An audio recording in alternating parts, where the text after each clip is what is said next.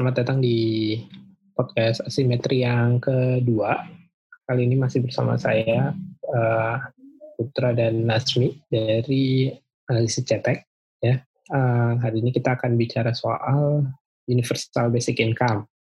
Nah, uh, sebenarnya universal kenapa kita mau membicarakan mengenai universal basic income itu alasannya ada di uh, sebagai kelanjutan dari yang pertama kemarin. Kemarin kita bicara soal COVID uh, dan sekarang di luar sana itu sedang ada apa ya uh, input ya masukan-masukan bahwa sebaiknya untuk menyiasati hal seperti ini nggak terjadi lagi di masa tuh tiap negara harusnya punya universal basic income. Benar nggak Mi? Ya, sebenarnya mungkin lebih detailnya adalah karena COVID dan pandemi ini membuat roda ekonomi seperti terhenti gitu ya. Perekonomiannya mati suri lah istilahnya. Jadi banyak orang yang akhirnya harus di rumah dan tidak produktif.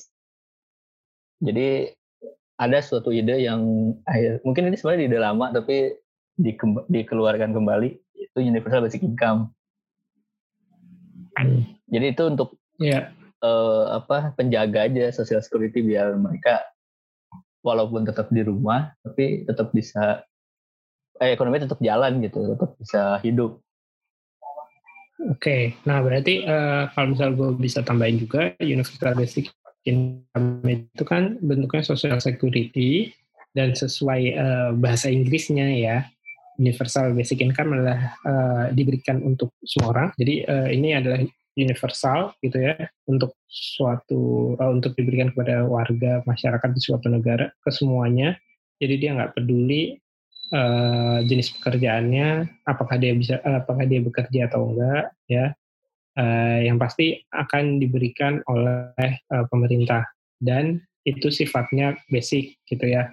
Goalnya tetap adalah uh, terkait dengan social security gitu.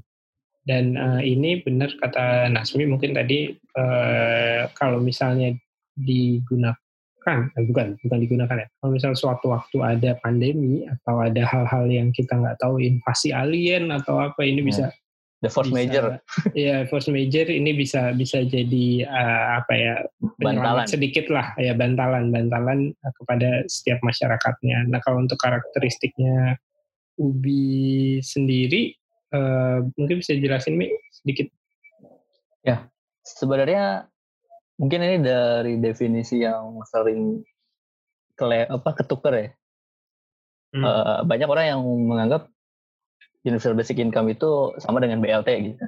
Oh, beda sekali. Ya, Saya punya uh, pengalaman soal itu ya. Banyak banyak yang bilang bahwa bantuan langsung itu adalah yaitu basic income. Nah, sebenarnya dari kata basic income-nya mungkin benar. Jadi yang dilakukan pemerintah saat ini yang dengan program-program kesejahteraan kayak ya BLT atau dulu kan namanya BLT sekarang mungkin ada PKH Kartu Indonesia Pintar dan lain-lain. Itu sebenarnya nggak bukan termasuk universal basic income. Yang namanya universal basic income yang digaungkan idenya sekarang adalah dari kata pertamanya aja universal jadi dia semuanya nggak lihat uh, kaya miskin laki-laki perempuan atau yang lain lah. Jadi dia universal hmm. semuanya dapat hal yang basic. Ya pendapatan untuk hal-hal yang basic gitu hal dasar nah eh, jadi walaupun dia memang secara ekonomi tidak miskin tetap bekerja dia tetap dapat tetap dapat uang ini gitu uang UBI ini dan biasanya memang uangnya nggak terlalu besar sih itu intinya untuk memenuhi kebutuhan dasar aja biar mereka tidak tidak jatuh miskin dan ya tidak mati kelaparan lah kalau kasarnya. Karena kan kalau yang sekarang terjadi banyak hal yang banyak orang yang sebenarnya mereka tidak miskin, mungkin hampir miskin atau terancam miskin, uh, berada di middle low income, tapi karena ada pandemi, ada covid, ada uh, tadi roda ekonomi yang berhenti atau mati suri tadi, akhirnya mereka tidak bisa memenuhi kebutuhan dasarnya sendiri gitu. Di sisi lain mereka tidak masuk kepada program PLT atau PKH yang sudah dicanangkan pemerintah sebelumnya karena kan mereka nggak masuk ke daerah apa ke zona masyarakat miskin so, itu untuk menutupi itu aja idenya dan kenapa jadi sekarang jadi rame lagi okay. nah kalau misalnya terkait uh, eh, UBI sendiri uh, dari penjelasan Nasmi tadi berarti kan sebenarnya uh, sifatnya ini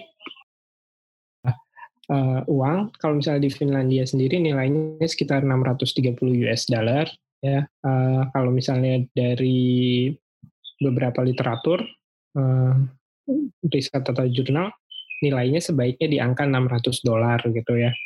Sedangkan kalau di Indonesia sendiri uh, belum ada. Kita belum punya UBI tapi untuk uh, apa namanya yang bantuan saat ini ya bansos atau BLT itu nilainya sekitar 600 ribu. Ya BLT ya kalau nggak salah ya, BLT itu 600 ribu nah, nah eh, apa namanya eh, nantinya ini si UBI ini digunakan untuk biaya hidup paling basic kayak beli sabun ya nggak sih untuk minyak. Ya. jadi hal-hal yang basic gitu loh ya. Mungkin kalau di sini kenalnya dengan kebutuhan primer. Beras iya kebutuhan primer betul beras. nggak bisa kredit motor gitu itu nggak bisa. Nggak bisa iya, traveling nggak bisa. motor nggak bisa traveling. Jangan juga dipakai judi. Iya. nggak baik gitu ya. Jadi benar-benar untuk bertahan hidup gitu survivalnya tuh karena kalau sekarang tuh mungkin memang udah masuk mode survival ya mode bertahan hidup. Tapi kan uh, tadi hmm. bantalannya nggak ada karena kita mengandalkan tabungan. Kalau yang ada tapi kalau yang nggak ada mereka makin bingung. Dengan adanya ini tuh sebenarnya setidaknya mereka ada ada pemasukan e, berkala yang setiap bulannya ada dan itu tuh cukup untuk memenuhi setidaknya mereka bisa hidup gitu.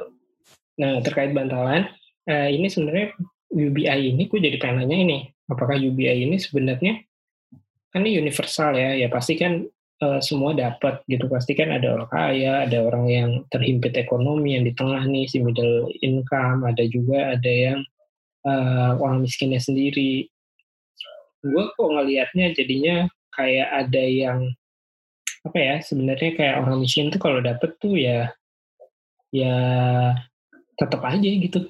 Bener gak sih? Uh, tetap sus bukan susah ya tetap mentalnya ya, ya ya ya ya ya ya nah ini punya pengaruh nggak sih maksudnya ke mereka gitu? Apakah ini ada pengaruh? Yang sebenarnya yang dicari dari UBI itu apa sih? Ah sebenarnya oh ini mungkin balik ke apa tujuan mulia ya tujuan mulianya UBI gitu. Jadi banyak uh, teori uh, teori-teori yang menyebutkan bahwa apa penggagas UBI gitu menyebutkan bahwa uh, apa, program ini itu untuk mengentaskan kemiskinan bahkan. Karena dengan semua orang dapat dengan hal yang sama otomatis mereka punya kesempatan yang sama untuk mengolah uang itu. Hmm. walaupun setelahnya kan kalau orang yang mau kan itu balik lagi basic ya kalau orang yang mau traveling orang yang mau beli mobil ya lu harus bekerja hmm. lagi gitu di luar dapat universal basic itu cuman kalau tadi pertanyaannya kan ini orang miskin terus dapat kira-kira hmm. mereka akan jadi kaya jadi, atau enggak gitu ya iya enggak bu ya enggak kaya lah setidaknya mereka hidup, hidup enak dikit lah nah itu balik lagi tuh sebenarnya di uh, apa ya kemampuan atau kemauan mereka untuk mengembangkan hidupnya juga. Jadi jadi uh, nothing to do with UBI ya. Nah, UBI sebenarnya UBI itu balik lagi cuma bantalan tadi. Ya namanya hmm. bantal kan tergantung yang di atasnya lu ngapain kan. Hmm. Dia ada bantalnya dulu gitu. Ada ada dasarnya dulu untuk setidaknya bisa dihidup. Nah, kalau mau hidupnya enak, ya tetap harus usaha sih. Iya, tetap nah, harus kerja. Tetap harus kerja. Nah, yang terjadi, yang ditakutkan terjadi memang banyak di negara lain itu ya saat mereka dikasih UBI mereka cenderung tidak mau bekerja lagi karena mereka menyangka bahwa bukan menyangka sih mungkin mereka merasakan bahwa walaupun gue tidak kerja walaupun rebahan aja ya gue tetap bisa hidup gitu.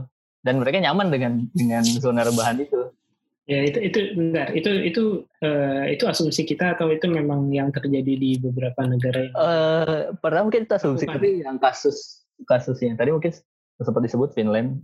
Uh, hmm. ini agak agak loncat sedikit. Jadi hmm. beberapa negara itu sebenarnya pernah melakukan atau trial ya trial soal UBI hmm. salah satunya adalah Finlandia. Finlandia itu tapi memang UBI-nya agak dimodif sedikit sih Nah, yeah, kalau, hmm, okay, UBI Finland itu dia dikasih ke uh, basic income lah namanya mungkin. Basic income itu dikasih ke 2000 orang random yang unemployment. Nah, jadi, di situ kuncinya ya berarti ya. ya, jadi dia unemployment ya. ya. Jadi dia bukan universal ya. Jadi sebenarnya dia nggak universal banget, tapi setidaknya dia mau mencoba untuk meli memberikan sebuah basic income. Ya, maksudnya mungkin universal di situ kayaknya sama nilainya gitu. Ya, bukan ya. sama orangnya ya gitu lah.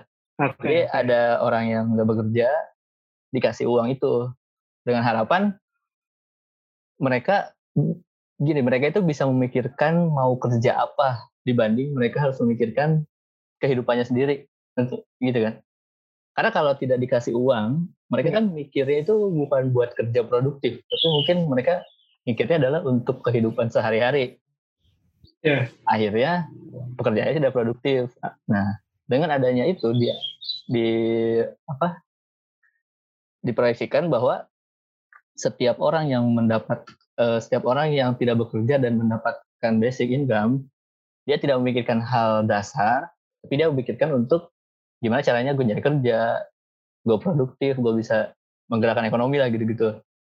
Tapi yang terjadi ternyata tidak seindah itu. yang yang dikasih justru mereka nyaman dengan uh, dengan apa yang diberikan. Apa yang diberikan, bahkan di luar sana yang bekerja aja malah jadi jobless, malah jadi mengundurkan diri atau malah jadi tidak bekerja. Karena mereka iya. menganggap hmm? tidak bekerja itu dibayar gitu. Iya sih, memang memang ya, ya, ya ada benefit. Iya ada ya, itu ya. Secara poverty mungkin mereka menurun ya karena hmm. balik lagi basicnya tetap terjaga, tapi jobless claimnya itu malah naik gitu. Iya. Nah itu jadi kan sebenarnya nggak bagus juga untuk sebuah makroekonomi secara umum ya. Karena hmm. kalau orang yang nggak kerja kan nggak produktif. Justru yeah. um, pemerintahnya doang yang bayarin. Jadi jadi kalau misal kayak gitu justru malah lebih ke arah negara-negara sosialis ya. Bisa iya nggak sih? Kalau misalnya orang kaum kaum rebahan ini yang yang apa namanya menganggap bahwa uh, kita kita kita nggak bekerja aja kita bisa dapat duit kok dari situ. Ya nggak? Padahal ya. kan mungkin kalau gue lihatnya gini kalau gue lihatnya mungkin adalah mau apa pun sistemnya misalnya gitu ya misalnya sistem kita bukan bukan uh, sosialis tapi setidaknya ada bantalan ini tuh diberikan sebagai part of membagi ideologi kita. Ya gak sih? Maksud gue ya. uh, lo kalau mau cari duit adalah kerja. Dapat duit deh lo tapi gue juga punya kewajiban nih sebagai pemerintah untuk ngasih bantuan. Yeah. itu sebagai part of sosialis yeah. gue gitu. Memang sebenarnya kalau melihat ekonomi pancasila eh, ekonomi pancasila Indonesia itu kan agak eh, nanggung bukan nanggung sih gimana mungkin jalan tengah lah gitu yeah. kita tetap keadilan sosial bagi seluruh rakyat Indonesia tapi eh, modal asing tetap masuk gitu hmm. maksudnya kapitalisme tetap jalan perusahaan tetap bisa dikuasai private tapi keadilan harus masuk sosialnya masuk masuk ke semua penduduk nah balik lagi sebenarnya itu yang ya, harus dijaga ya balik lagi sebenarnya seharusnya mungkin uang yang dikasih. Gue nggak tahu lah apakah di Finland itu 650 euro eh 650 dolar itu mungkin terlalu banyak kayaknya.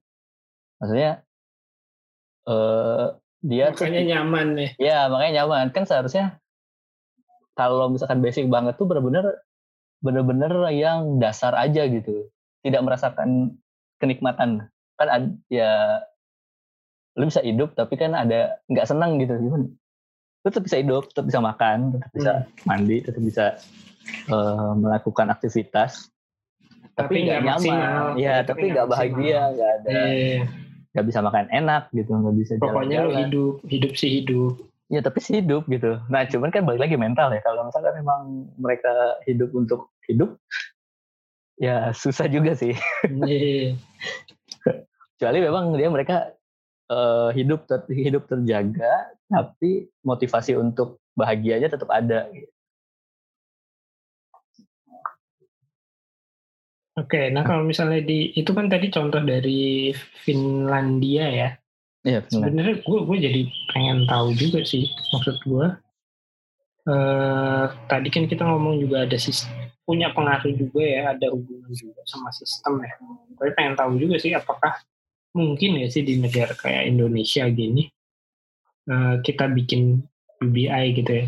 UBI ya, bukan BLP atau PKH ya. Eh, UBI.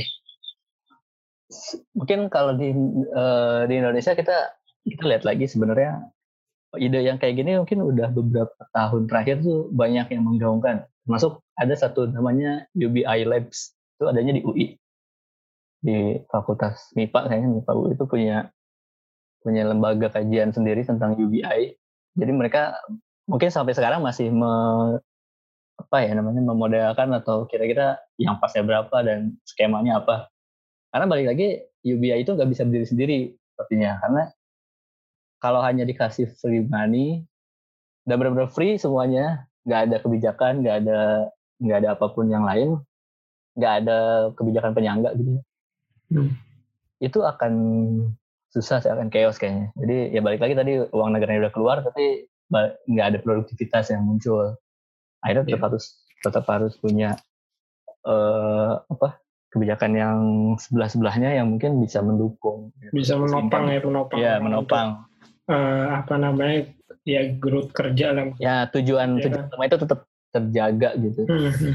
Nah. Jangan keenakan dengan hanya dengan universal basic income. Yes. Jadi harus dibuat sama pemerintah lewat sistem yang holistik lah. Ya, dia harus regulasi dan ada ada apa bagaimana mencari kerja itu bisa lebih uh, enak untuk mencari kerja dan bagaimana produktivitas itu dihargai gitu-gitu kan mungkin. Tapi yang pasti kehidupan basicnya, kehidupan dasarnya tetap terpenuhi. Nah, kalau di Indonesia sendiri kan melihat sebenarnya banyak yang harus dilihat sih. Kalau yang gue baru lihat sekarang kan ketimpangannya kita masih tinggi lah ya, 0,4 Gini rasionya. Ketimpangan pengeluaran antara yang atas dan yang bawah itu. Hmm. Uh, sebenarnya agak susah sih untuk. Jadi kita tuh kelihatannya masih banyak bagian bawah yang sebenarnya harus diangkat gitu. Yeah. Dibandingkan semuanya yang harus bisa meratakan. Tapi mm -hmm tapi bukan ber, bukan berarti juga ya, bukan hal yang bagus ya karena kalau balik lagi kalau karena ada pandemi ini triggernya kan sebenarnya pandemi ini ya. Iya. Yeah. Pandemi ini melihat bahwa banyak middle class yang sebenarnya jatuh gitu. Hmm. Dan kalau misalkan ada UBI, dia bisa hidup. Nah, sebenarnya bisa dia Bener, bisa hidup gitu. Dia bisa hidup karena bisa mengurangi uh, spending yang dia lakukan untuk nah, iya. yang hal-hal basic ya enggak. Jadi tidaknya bisa... kalaupun mereka di PHK atau apa yang namanya unpaid leave ya, dirumahkan hmm. dulu. Nah, dan tidak dibayar oleh perusahaan, mereka tetap bisa jalan sampai akhirnya nanti misalnya pandemi berakhir, mereka di hire lagi, ya mereka tetap bisa produktif lagi gitu tanpa ada keluarga yang meninggal karena kelaparan atau hal-hal lain yang tidak diinginkan. Nah, cuman kan hmm. pertanyaan selanjutnya adalah, kalaupun misalkan ini mau di kasih gitu. Uangnya dari mana gitu kan. Iya, iya. enggak enggak. Sebenarnya sebenarnya yang yang sebelum gua sebelum sampai ke uangnya dari mana yang agak gua pikirin sebenarnya ada satu nih yaitu adalah oke okay lah kemarin udah dicoba di apa namanya di uh, Finlandia ya dan juga Kanada. Secara size kita nggak ada apa-apanya pak sama sama Finlandia yeah, dan Kanada. Itu. kita gede banget. Sedangkan mereka gue nggak tahu ya realnya berapa. Tapi uh, apa namanya secara kasar aja ya. Kasar kita logika kasar aja. Itu udah size-nya udah jauh banget. Sama seperti kita pemilihan untuk lockdown atau nggak lockdown itu kan alasannya kan di sana gitu loh bentuk uh, kita kepulauan terus size orangnya juga lebih banyak dengan pendapatan ini. Mungkin kita bisa ngasih ke yang dengar lah ya. Uh, apa namanya hitung-hitungannya. Jadi jadi jadi biar lebih enak. Kita sih udah bikin ya nih tapi gue pengen dari lo aja yang ngajarin. Nah mungkin tadi udah disinggung juga bahwa yang uh, gue bilang kan gini ratio kita tuh terlalu tinggi lah ya untuk untuk mau disamaratakan gitu.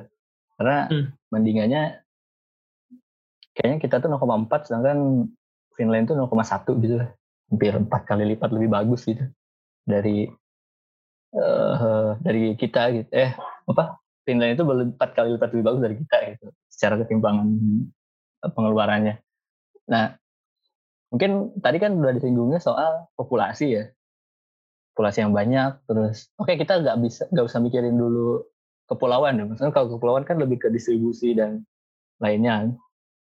Ini, ya itu yang soal COVID kalau yang kepulauan. Uh, uh, oh iya, COVID. Maksudnya itu kalau yang soal universal income biasanya kita berbicara soal uh, jumlah produk yang harus dikasih kan sebenarnya. Berapa sih orang yang harus dikasih dan berapa berapa nilainya.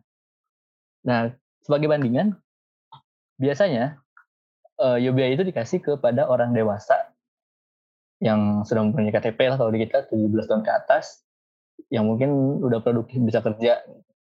Nah, untuk data orang dewasa sendiri, oke okay, kita bisa pakai uh, soal uh, apa yang memilih pilpres tahun lalu gitu pemilu tahun lalu itu ada sekitar 190 juta orang. Uh, 190 juta orang dewasa yang kalau pakai teori UBI itu harus ditanggung semuanya. Jadi kita harus ngasih 190 juta orang. Oke, berarti harus ngasih 190 juta orang. Secara nilai? Secara nilai? Di Indonesia berapa tuh? Nah, kan BLT aja 600 ribu. Ya, let's say kita sama, ya biar gampang hitungnya sejuta gitu kan. Sejuta misalkan. Kalau sejuta, okay. hmm. sejuta per bulan, dalam setahun itu kira-kira kita butuh 2.200 triliun. 2.200 triliun, triliun per per tahun. Per, per tahun, sorry per tahun ya, per tahun ya. Nah, sedangkan bandingannya adalah APBN kita aja nih. Hmm. Pemerintah tahun kapan? Tahun sekarang 2020. Sekarang 2020 ya? 2020 itu sekitar 2.400 triliun. Bukan main. APBN 2.400 triliun, tapi kita harus menopang. Kita harus berapa? 2.200 triliun. 2.200 triliun. 200 triliun doang terus sisanya buat. Oke, okay, kita kalau sejuta mungkin terlalu banyak ya. 500 ribu lah coba. Ribu deh. Nih, 1100. Jadi 1100 triliun. 1100 triliun. Berarti sekitar 500, 50 persen dari APBN lah ya. Iya. 50 persen ya 40 sampai 50 persen dari APBN yang sekarang. APBN ini maksudnya adalah belanja belanja pemerintah ya. Hmm. Anggaran untuk belanja pemerintah gitu. Nah, tapi dipakai untuk membelanjakannya untuk membiayai masyarakat. Ya, jadi dengan 50 dengan asumsi ya dengan asumsi kita 2.400 triliun itu untuk belanja, kira-kira kita butuh 2000 eh kita butuh 1100 triliun gitu untuk menghidupi orang-orang dewasa di Indonesia tadi. Banyak 190 juta orang. 190 juta orang. Okay. Nah, sebenarnya bisa-bisa aja kalau memang misalkan mau ya karena kan banyak biasanya banyak pos-pos yang sebenarnya kalau UBI dilakukan tuh pos-pos lain itu harus dikorbankan kan. Entah kementerian itu di-cut gitu. Ya kan? kementerian itu di-cut jadi nggak terlalu banyak atau mungkin biaya perang, biaya militer atau Kemenhan gitu. Kemenhan itu kan termasuk gede tuh ya. Kementerian ya, paling besar. Yang paling besar. Nah, untuk belanja alutsista atau apa. Nah, mungkin apakah itu bisa di uh, apa namanya? bisa dialihkan gitu kan? Itu jadi kurangi terus dimasukkan ya. ke dana UBI. Itu atau, pilihan ya.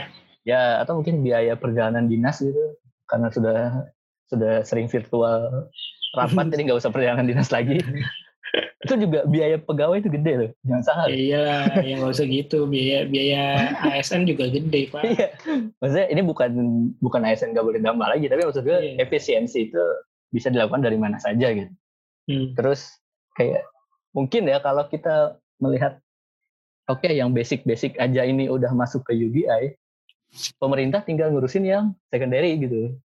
Hmm.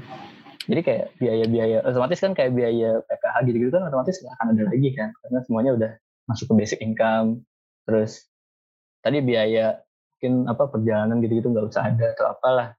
Sebenarnya mungkin nggak mungkin itu balik lagi ke pemerintahannya cuman yang menarik kalau kita bandingkan tadi hitung-hitungan kita kan sekitar seper, setengah APBN ya Iya, yeah, setengah APBN. Setengah APBN dengan 500 ribu per bulan. Kita balik bandingin sama Finland deh, Finlandia. Finlandia itu uh, orangnya cuman 5,5 juta jiwa. Ya, anggap, anggaplah misalnya 5, ini total ya. Sedangkan ini total, kita tadi, ini, ini total loh, bukan Sedangkan kita dewasa. demografinya 270 juta. Nah, kalau ya, dewasa kan ini. dewasa mungkin lebih kecil lagi, mungkin 3 juta. Iya, dewasa paling berapa? Ya, taruhlah 5 3 juta, juta lah, 3 juta, 5 juta, oke 5 juta. Nah, tapi spending, spending... Nah, anggaplah gini aja, gini aja yang gampang aja lima setengah juta itu memang orang dewasa semua lah. Iya, kita anggap orang dewasa semua. Hmm. Nah, jadi kan kita setidaknya butuh eh, 1.100 triliun untuk eh, menghidupi semua orang di Indonesia. Nah, sebenarnya secara APBN sendiri jatah jatah Indonesia jatah setiap orang di Indonesia per kapitanya nih itu kan sekitar 8,8 juta ya. Jadi dalam satu APBN full setiap orang di Indonesia itu kalau dibagi rata sebenarnya 8,8 juta orang dapat jatahnya hmm. per tahun. ya. Nah, ini nggak nggak lihat orang dewasa atau orang apa anak kecil gitu. Hmm. Nah, coba kita misalkan per tahun ya. Iya, ya, per tahun. Kayak kita kita lihat uh, yang tadi udah disebutkan Finland. Finlandia itu uh, data penduduknya itu sekitar 5,5 juta jiwa penduduk umum semuanya.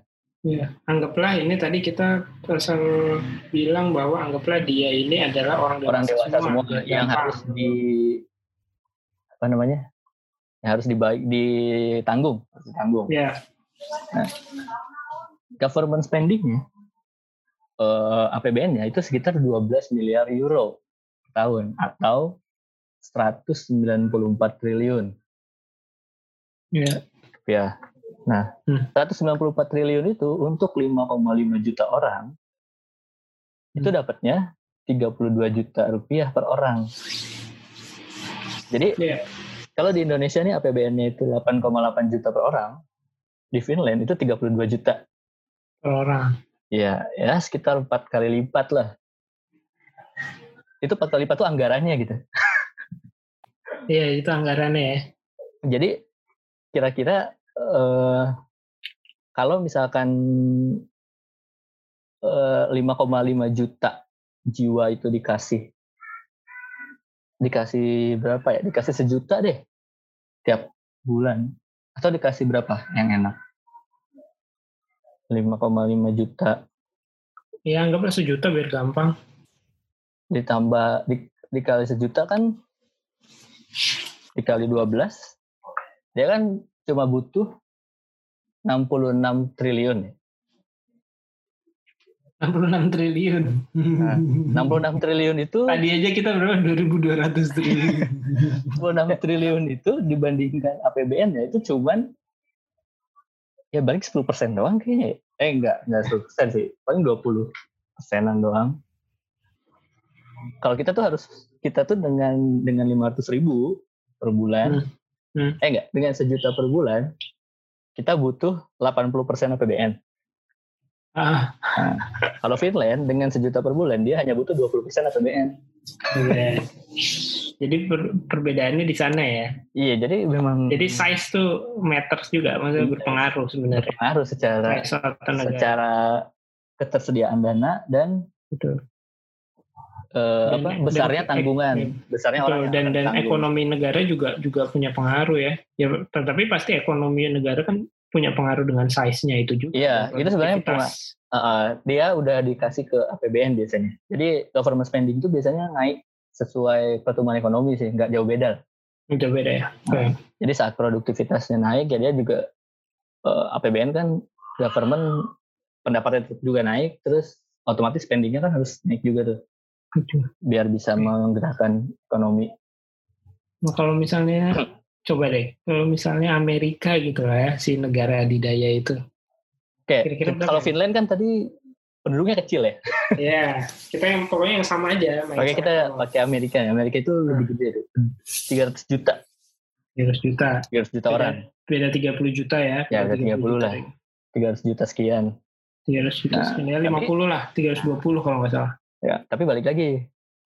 Duitnya dia gede tuh. APBN APBN-nya berapa? ribu miliar US dollar. 3000 miliar US dollar. Kita tadi APBN-nya Kita 2200 eh eh kita tuh 2.400 triliun. Rupiah apa US Rupiah. dollar? Rupiah. Mereka 3.000 miliar tapi US dollar. US dollar. Oke. Nah kira-kira tuh kalau dibanding kalau pakai kurs standar Indonesia sekitar 45.000 triliun. Oke. 45 ribu triliun. Oh, gua nggak tahu angkanya berapa. Hmm. Pokoknya Nah. banyak deh. Balik lagi kalau kita balik ke ke orangnya, ke per kapitanya, mereka itu dapat sekitar 140 juta. 140 juta eh, Rupiah ya ini rupiah, ya 140 juta rupiah per kepala. per kepala. Itu tuh jatah spending APBN-nya, spending government-nya. Hmm. Indonesia tadi kan 8,8 juta. 6 ya. juta. Ya, Jauh- Jauh sekali ya, cukup jauh ya. baru 15 kali lah. Indonesia ya, 15 kali. Tadi kan 3000 miliar US Miliar dollar. US Terus dollar. Hmm. eh, kalau Andre Yang tuh setahu gue dia menyarankan atau mau me- propose itu sekitar 12.000 per orang per tahun. Hmm. 12.000 dolar. 12 ribu dolar per tahun. Berarti kan sebulannya dia 1000 dolar. ya. 1000, 12.000 dolar itu orang dewasanya berapa sih? Sekitar mungkin 70% lah ya atau berapa? Hmm. 300 juta lah anggap. 250 deh, 250. Hmm. 250 juta. Itu sekitar 3 3000 miliar, 3 triliun. 3 triliun satu tahun. Satu bulan. 3 triliun itu setahun. Satu tahun. 3 triliun US dollar. Oh, 3 kegedean. triliun US dollar gede juga. 3 triliun rupiah itu. 3 triliun US dollar sih. Kalau 12 ribu per orang. Oh iya, iya iya, benar. Berarti berapa? 3 totalnya Nggak cukup dong APBN. oh, Andre Yo ke- Andrea ada ngasal juga dia. Tapi itu gede banget sih. Dua, 1000 dolar per bulan tuh. Itu gede banget sih. Oh, cuman dia ada bisa nyetak duit sih. Ya itu nggak usah. itu lain lain lain. Nanti itu next next next. dia ada ada nih federal government recently triggered 4 triliun for bank bailout or plan of for UBI uses mostly money already in economy and monetary kayaknya dia akan nambah duit gitu deh dengan ya nggak tahu lah Amerika kan punya privilege Hmm. Punya kemampuan itu ya. ya saya poinnya adalah eh, kalau hitung-hitungan kasar dengan size penduduk populasi ekonomi dan government spending kita agak jauh sih agak Jauh banget ya. Eh, bisa tapi mungkin harus efisiensinya harus di mana-mana gitu atau setidaknya harus ada Atau enggak seti- setidaknya ekonominya harus digenjot lebih ya kecuali memang lagi. agak gambling sih kecuali memang dengan adanya UBI ini benar-benar semua itu bisa produktif gitu Iya, iya. iya. Jadi produktivitas juga punya pengaruh ya, Mi ya. Iya, Kak. Karena Lu di beberapa studi, ya, lu ngebebanin negara sebenarnya. Bener nggak sih? Iya benar. Di beberapa studi itu eh dengan adanya UBI diprediksi itu kemampuan middle low income itu itu akan naik sekitar 16% sebenarnya dengan Hmm. adanya UBI gitu. Hmm. Jadi mereka konsumsinya lebih tinggi, terus ada ya traveling, pariwisata gitu-gitu kan otomatis roda ekonominya tetap jadi jalan gitu ya. Iya. Karena dengan kayak kita deh, di kita itu kan konsumsi sekitar 60% lah. GDP kita tuh dari konsumsi gitu. Jadi saat adanya BLT gitu-gitu kan otomatis itu untuk menaikkan konsumsi sebenarnya. Nah, dengan adanya, filosofinya begitu. Iya. dengan adanya UBI itu diharapkan konsumsi dasarnya terjaga, mereka lebih produktif, akhirnya konsumsi sekunder tersier juga tetap jalan. gitu. Naik tetap jalan ya. Dan Dan, akhirnya- produktivitas manusia Nah. bisa lebih tinggi lagi. Ya, dan akhirnya ekonominya Ngedorong. akan jalan gitu, akan tumbuh lebih tinggi. Tapi kan itu adalah teori. Iya teori betul teori. Nah kalau di Indonesia sendiri bagaimana menurut Bapak Nasmi? Gue nggak terlalu yakin. Eh gak antara yakin gak yakin sih. Maksudnya karena memang ini butuh butuh studi lebih lanjut sih butuh entah hmm. survei dulu atau apa gitu trial error dulu. Ya baliknya kayak Finland aja kan dua tahun tuh trial ternyata ada yang bilang gagal ada yang bilang berhasil. Jadi nggak bisa tiba-tiba langsung oke okay, tahun depan kita pakai UBI gitu. Wah chaos itu yakin.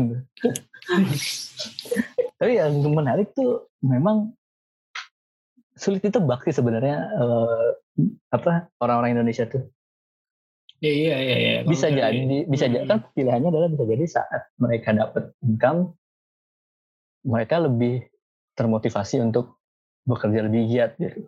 Iya. Atau mereka buka, buka usaha gitu, UMKM, mau iya. menggerakkan ekonomi gitu. Itu kan bisa juga tuh positifnya. Negatifnya ya. adalah ya udah. malas. Tambah malas sih. Udahlah gue dapet duit ini. Udah dapet ini mah tidur aja dapet gitu kan. Iya makanya. Cuman kalau kalau kalau dari sisi gue sih gue ngeliatnya gini apa namanya? Uh, gue mencoba men mensederhanakan ya dan dan coba coba pakai pakai apa namanya dari cara pandang orang lain lah anggap anggapannya kalau misalnya kita produktif menurut gue nggak ada tuh di jalan-jalan ada tukang parkir sih ya nggak sih nah ini kalau misalnya eh, apa namanya ketika UBI dijalankan ini justru malah makin dimudahkan gak sih? Mereka-mereka ini gitu. Jadi kayak ya udahlah gue santai-santai aja gue bisa tenang dapat duit bisa cari duit ya masih gini-gini aja. Jadi bukan malah menambah produktivitas juga tapi ya, ya bisa aja salah sih. Itu nah, iya, itu, harus itu dicoba.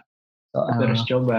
soal tukang parkir gitu ini bukan mendiskreditkan tukang parkir. Bukan, tapi, bukan sama sekali bukan mendiskreditkan. Tapi kita lihat tukang parkir di, di minimarket gitu kan, itu kan sebenarnya tidak tidak terdaftar di disub gitu. Ya nggak tahu lah. Kalau kan yang mungkin tukang parkir aslinya kan sebenarnya dia terdata gitu ya. Hmm. Nah ini tukang parkir lepas lah, freelance. freelance. Iya freelance. Soalnya di luar negeri kan setahu gue nggak ada mi. Iya nggak. iya kan. Kalau di kita kan parkir sedikit, parkir sebentar doang katanya dua ribu. Iya, tahu-tahu nah. muncul kan. Nah itu tuh menarik tuh kasusnya. Apakah dengan adanya UBI dia bisa mencari jalan lain ya, jalan lain. lain. Karena dia lain, berpikir, karena mungkin gini, dia itu jadi tukang parkir karena dia nggak ada waktu untuk mencari kerja, nggak ada waktu untuk uh, apa namanya menyisakan waktunya tuh untuk mencari kerja dan untuk meningkatkan skill atau apa gitu. Akhirnya yang ada tukang parkir ya dia mau nggak mau jadi tukang parkir untuk menghidupi untuk sehari harinya ya, ya bisa jadi sih memang bisa jadi. Nah, cuman berarti uh, coba-coba lo lanjutin dulu.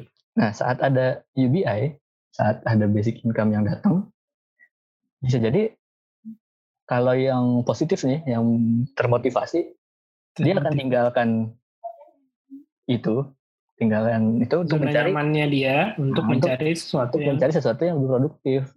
Ya. artinya waktu yang dia habiskan untuk belajar lagi, untuk mencari kerja, untuk mengasah skill atau apa, itu nggak apa-apa gitu. Maksudnya waktunya walaupun tidak produktif dalam arti uang, dia kan udah punya pegangan hmm. gitu. Akhirnya dia bisa menjadi misalkan buruh pabrik atau apa yang lebih punya nilai ekonomi gitu. Oke. Okay. Nah, sebenarnya kan juga sebenarnya uh, dari yang tadi ya, misalnya kayak dia menjadi tukang parkir sekalipun kan pasti untuk membiayai kehidupan dia sehari-hari yang mana itu adalah sebenarnya basic income ya nggak sih untuk untuk beli sabun, untuk beli minyak, makan lah dan lain-lain hal gitu.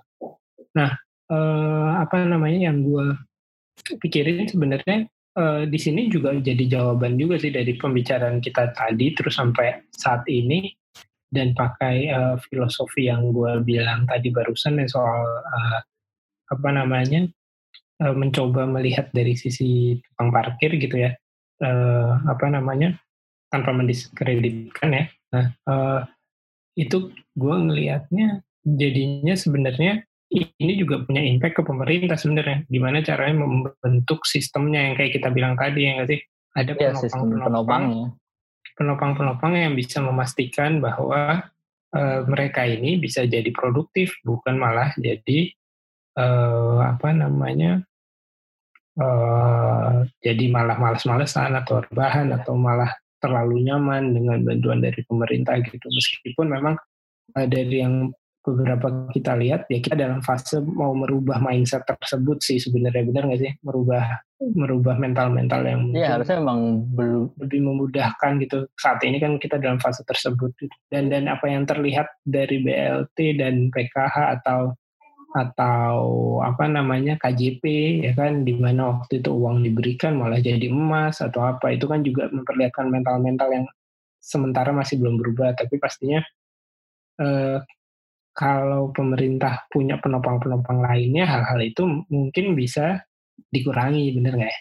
Iya memang harusnya ada sesuatu yang tadi bener penopangnya sih karena baik lagi mentalnya itu gak bisa diubah dalam waktu cepat gitu sih tetap harus Betul. ada harus ada apa ya eh, pembatas-pembatasnya gitu. Hmm.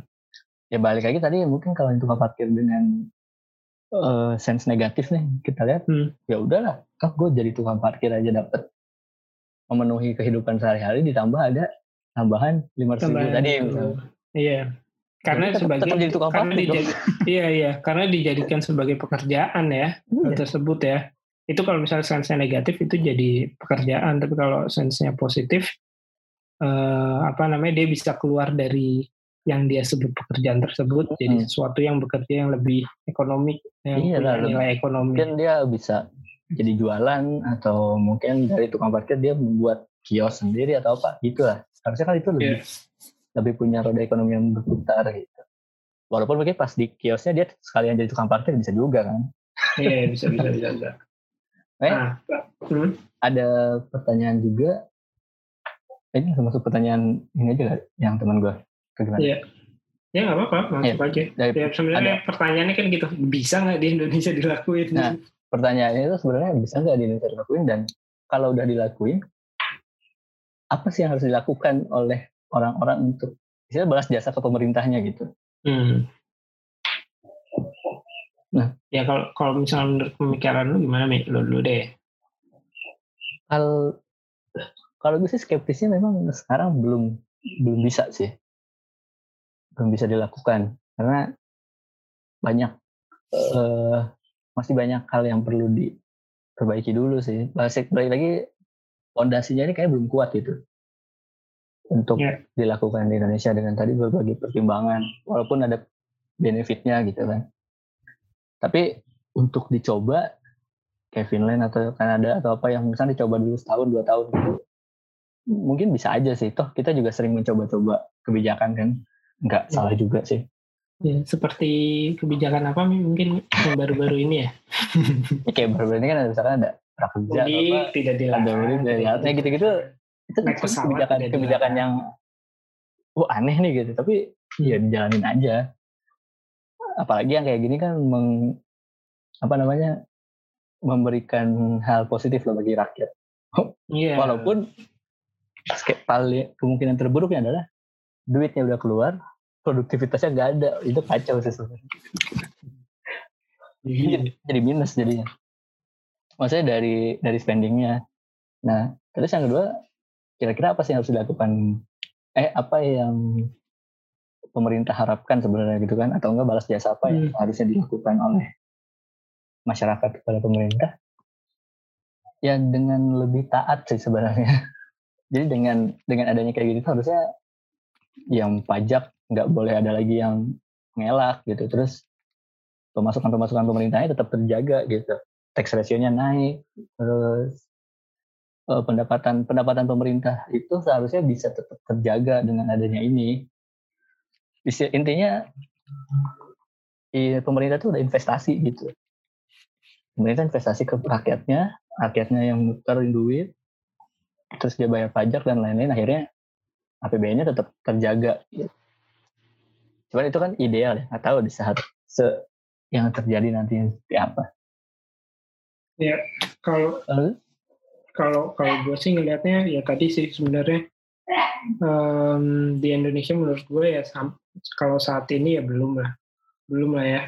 Tapi uh, karena menimbang beberapa hal tadi karakter orang dan lain halnya juga belum ntar malah jadi chaos dan lain hal yang lebih lebih rusuh lagi gitu. Jadi eh, rasa-rasanya sih kayaknya di kita belum, tapi gue lebih pengen ya. Misalnya gue nggak tahu sih di Indonesia itu apakah konsep kantor staf kepresidenan itu adalah sama seperti National Intelligence Council yang di Amerika apa enggak? Karena gue lihatnya gue dulu pernah ikut futurologi ya acara acara di Pak Dino Jalal ya.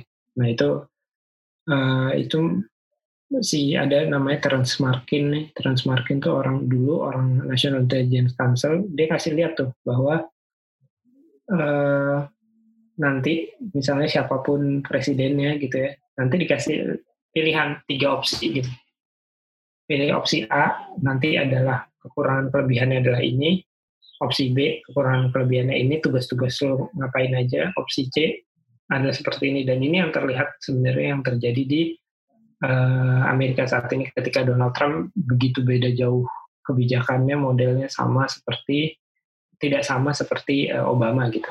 Dan dan menurut gue untuk mencapai UBI ini ya misalnya kita mau mengarah ke sana itu harus ada orang-orang di belakang layar yang memang mempersiapkan ini benar nggak Mi? Ya, wajib itu. Eh, wajib dipersiapkan dulu. Jadi ketika ketika nanti waktunya entah kapan ya, ketika kita udah sampai pada, gue nggak tahu sih sebenarnya siapa sih orang di belakang layar ini gitu, orang-orang yang di dalam apakah ini pekerjaan dari KSP untuk membaca peluang di masa depan atau um, atau ini adalah orang-orang di belakang layar yang OTG, eh OTG itu orang tanpa gejala, OTB gitu. Orang eh, apa organisasi tanpa bentuk gitu. Tapi memang niatnya adalah untuk uh, apa membuat suatu hal yang baik untuk negara kita ini. Dan itu yang menurut gue harusnya sudah dibikin planningnya dari sekarang. Maksudnya ketika kita bisa ngeluarin UBI itu ketika berapa sih? Misalnya APBN nilai kita udah seberapa gitu yeah, yeah. atau mungkin kita tidak tidak memikirkan perang-perangan lagi deh kita fokus uangnya dipindahin ke sini di tahun keberapa itu kan lebih jelas ya maksudnya supaya nggak ada terjadi lagi testing the water gitu loh testing the water kayak sekarang kan lebih memperlihatkan pengen ngecek juga sih maksudnya orang Indonesia tuh kayak gimana sih karakternya ya Iya gak sih? Ya, kalau contoh, sekarang itu contoh kayak, kayak PSBB kan kayak gini kan gitu loh. Uh, lo lo di, disuruh uh, apa namanya di rumah, tapi habis itu pas lo dibuka lo masih takut nggak sih sama COVID ini? Ternyata nggak ada takut-takutnya kan? dan makin nambah lah. Bener gak sih? Coba iya. lo, lo sekarang itu kan biasanya sebelum kebijakan itu ada research. Awalnya yes, primary yes. research gitu. Jadi researchnya harus ada. Melihat oh, dulu oh kira-kira kalau jadi nanti bisa dilihat pasnya gimana. Nah kalau sekarang researchnya itu ya langsung gitu. Ya udahlah langsung aja jebret tuh kelihatan kan? Kayak gimana iya betul betul betul. Gue gue gue setuju banget sih. Makanya menurut gue dulu dulu dulu dulu gue pernah ikut yang uh, apa namanya pangan itu ya di kantor yang lama. Uh, sama salah satu uh, apa ya ya bukan risk advisor ya advisor advisor Menko Perekonomian. Dan dia uh, ngomong sangat bagus dan sangat jelas gitu bahwa ya kalau lu masukin datanya uh, salah sampah gitu ya ke ke ke apa pemerintah terus pemerintah menanggapinya dengan baik ya hasilnya jadi sampah. Iya. Dan, dan itu yang justru memang harusnya dipikirkan dari sekarang sih menurut gua ya. Kalau misalnya itu memang tupoksinya KSP ya buatlah masa depan Indonesia tuh kayak gimana sih dan lain-lainnya gitu. Nah, ya, gue gak tau deh apakah KSP sejauh itu kayaknya tapi enggak deh. Enggak, enggak ya. Kayak, kayak jubir aja gitu. ya kalau gua dari gua sih itu sih nih terkait UBI yang menurut gua mungkin uh, dari hasil pembicaraan kita dan baca studi literatur dan uh, contoh uh, rasanya mungkin di Indonesia belum tapi kita yeah. punya peluang ke sana tapi harus uh, dipikirkan masak-masak dengan punya um, apa ya organisasi di belakang yang memang mempersiapkan itu gitu. Nah, mungkin tambahan terakhir kayaknya hmm. uh, selain apa selain tadi ada apa ada research ada akademis yang memang memikirkan ini di beberapa negara juga UBI ini mungkin ada sedikit banyak ada hubungan dengan sistem politik atau ideologi dari uh, apa negaranya sih pemerintahannya. Betul, betul. Karena betul. biasanya UBI ini adalah janji dari janji janji politik gitu lah intinya. Jadi saat dia hmm. saat dia pemilihan presiden dia akan menjanjikan ini ya setelah dapat otomatis mau nggak mau dilakukan gitu. Hmm. Dan yeah, yeah. di dan di Indonesia uh, mungkin ya dengan 2024 kan uh, ada lagi hmm. pemilu. Hmm. Bisa jadi memang dalam kurun waktu lima tahun ke depan ini banyak studi atau enggak banyak uh, netizen-netizen yang memviralkan atau apalah gitu. Bisa jadi memang akan dilirik sih kayaknya. Tapi balik lagi di Indonesia tuh gue rasa nggak ada politisi yang punya ideologi kuat gitu. Hmm. Ideologinya nanggung semua. Iya, iya, iya. Jarang ada janji hmm. politik yang konkret. Masih setengah-setengah ya. Iya, biasanya ya, ya kalau dilakuin nggak apa-apa, nggak dilakuin juga bisa, gitu-gitulah. Biasanya janji-janjinya. Jadi normatif semua kan kalau kalau janji yang di luar tuh, di luaran tuh biasanya tegas gitu ya, dan unik biasanya. Jadi memang orang tuh memilih untuk ya nggak apa-apa sih mungkin namanya masih test water tapi setidaknya mereka melakukan janji yang benar-benar dijanjikan pas kampanye. Hmm. Ya nggak tahu kalau di iya, Indonesia mungkin ya, ada harus, harus ada yang agak sosialis gitu yang merasa bahwa iya nah mungkin semua orang harus punya itu, income yang sama. Ya, kita, ya menurut gua kita kita laboratorium dunia banget sih untuk sistem perpolitikan paling gampang ya deh, paling sederhana atau paling cetek lah ya. Gue nggak gue nggak begitu ahli, tapi uh, eh, gue melihat maksudnya mengamati bahwa Indonesia kan semua partai punya ideologi masing-masing ya. Nah, kalau misalnya terkait sistem kepartaian aja di Indonesia kan tuh ada kalau nggak salah lebih dari 10 ya sampai hari ini gitu. Hmm. Sedangkan di Amerika aja contoh Amerika atau di beberapa negara lain itu atau kayak di Inggris gitu kan cuman paling paling banyak lima atau enam gitu. Bahkan yang mungkin yang lebih asik lagi ya cuma dua gitu kayak di Amerika Serikat gitu ya meskipun ya memang kita kita kita nggak bisa disamaratakan sama ya tapi balik lagi yang uh, apa namanya uh, menurut gua titik terakhir adalah yang si seperti yang Amerika lakukan itu dengan National Intelligence Council itu yang bisa memberikan uh, masukan bahwa uh, memberikan masukan kepada si presiden mau lu presiden dari mana aja mau lu Demokrat Republik gitu. Tantangan ke depan adalah ini gitu. Dan lo melakukan hal-hal seperti ini dan uh, program-programnya seperti ini dan lo bisa milih ABC ini ada baik dan buruknya untuk negara gitu. Dan dan, dan itu itu itu dilakukan gitu. Jadi kayak di luar di luar janji politik lo gitu ya. Lo tetap ada hmm. ada ada orang yang membaca membaca masa depan gitu. Iya. Kayaknya itu terlalu nggak tahu terlalu halu atau enggak sih untuk Indonesia. nggak, nggak mungkin ya. itu, gini, lo buat bicara ideologi itu di Indonesia oke okay, 10 itu ada ideologinya tapi campur-campur gitu ada. Ya iya makanya. Ada satu nasionalis, itu, satu religius, hmm. ada satu lagi nasionalis. Dan masing-masing nggak mau kalah, bukan mencari bukan mencari satu titik yang sama gitu untuk karena jalanin. Mungkin balik lagi ya di kita tuh partainya bukan bukan ideologi sih, bukan untuk mempersatukan ideologi, tapi ya untuk uh, apa? memperbanyak jatah kursi aja kayaknya. oh lebih banyak caleg gitu lebih banyak uang masuk ya gitu gitu deh. ya, ya begitulah pokoknya. Intinya sih mungkin kesimpulan terakhir ter, hmm. ter lu juga ini kalau dari gue ya Yubia ini sebuah konsep yang menarik sih untuk diteliti atau dikembangkan atau mungkin bahkan dicoba gitu Hmm. Walaupun memang masih banyak hal yang harus dilakukan sebelumnya di research awal terus bagaimana menghitung dan lain-lain tapi secara konsep sebenarnya ini bisa jadi sesuatu yang layak dicoba. Hmm.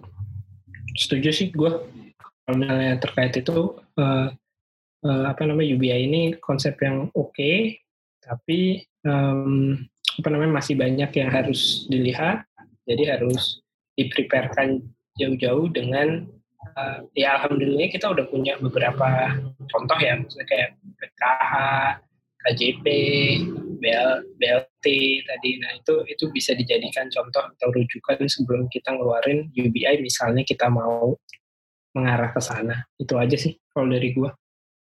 Oke, mungkin itu aja dari kita summary-nya.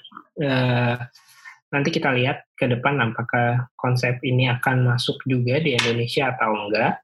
Yang pasti kita sudah mem, apa ya, mem, membicarakannya dari sisi atau pandangan pemikiran kita berdua. Uh, semoga ada uh, apa? Ada ada tambahan lah, tambahan ilmu atau wawasan untuk kalian seperti kita yang belajar belajarin ini gitu ya. Uh, semoga um, apa ya di di di pertemuan kita selanjutnya kita akan bicarakan hal lainnya yang sama menariknya atau lebih menariknya dari yang uh, kita bicarakan hari ini. Mungkin itu aja dari kami ya dari podcast simetri dari analisis cetek. Sampai jumpa di pertemuan kita selanjutnya.